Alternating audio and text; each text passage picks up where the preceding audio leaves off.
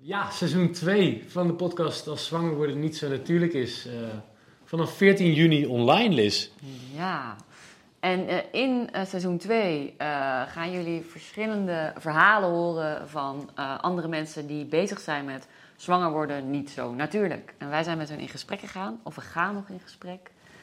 Um, ja, er zijn hele mooie dingen uitgekomen. Heel mooi. Idee. En tegelijkertijd gaan we ook nog verder met ons eigen verhaal. Dus je zal ons ook nog hier op de bank uh, uh, zien en horen zitten. Ja. Uh, maar de nadruk ligt wel heel erg op de verbinding leggen met, met anderen.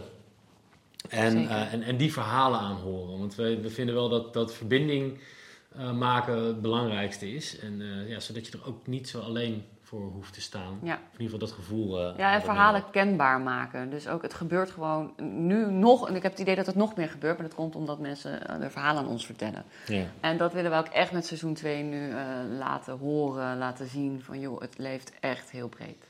Ja, dus luister vanaf 14 juni naar de podcast Als Zwanger worden niet zo natuurlijk is.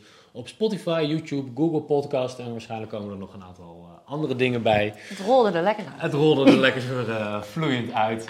Um, uh, volg ons op uh, de socials voor als je meer wil weten van waar we mee bezig zijn. Tot dan. Tot dan.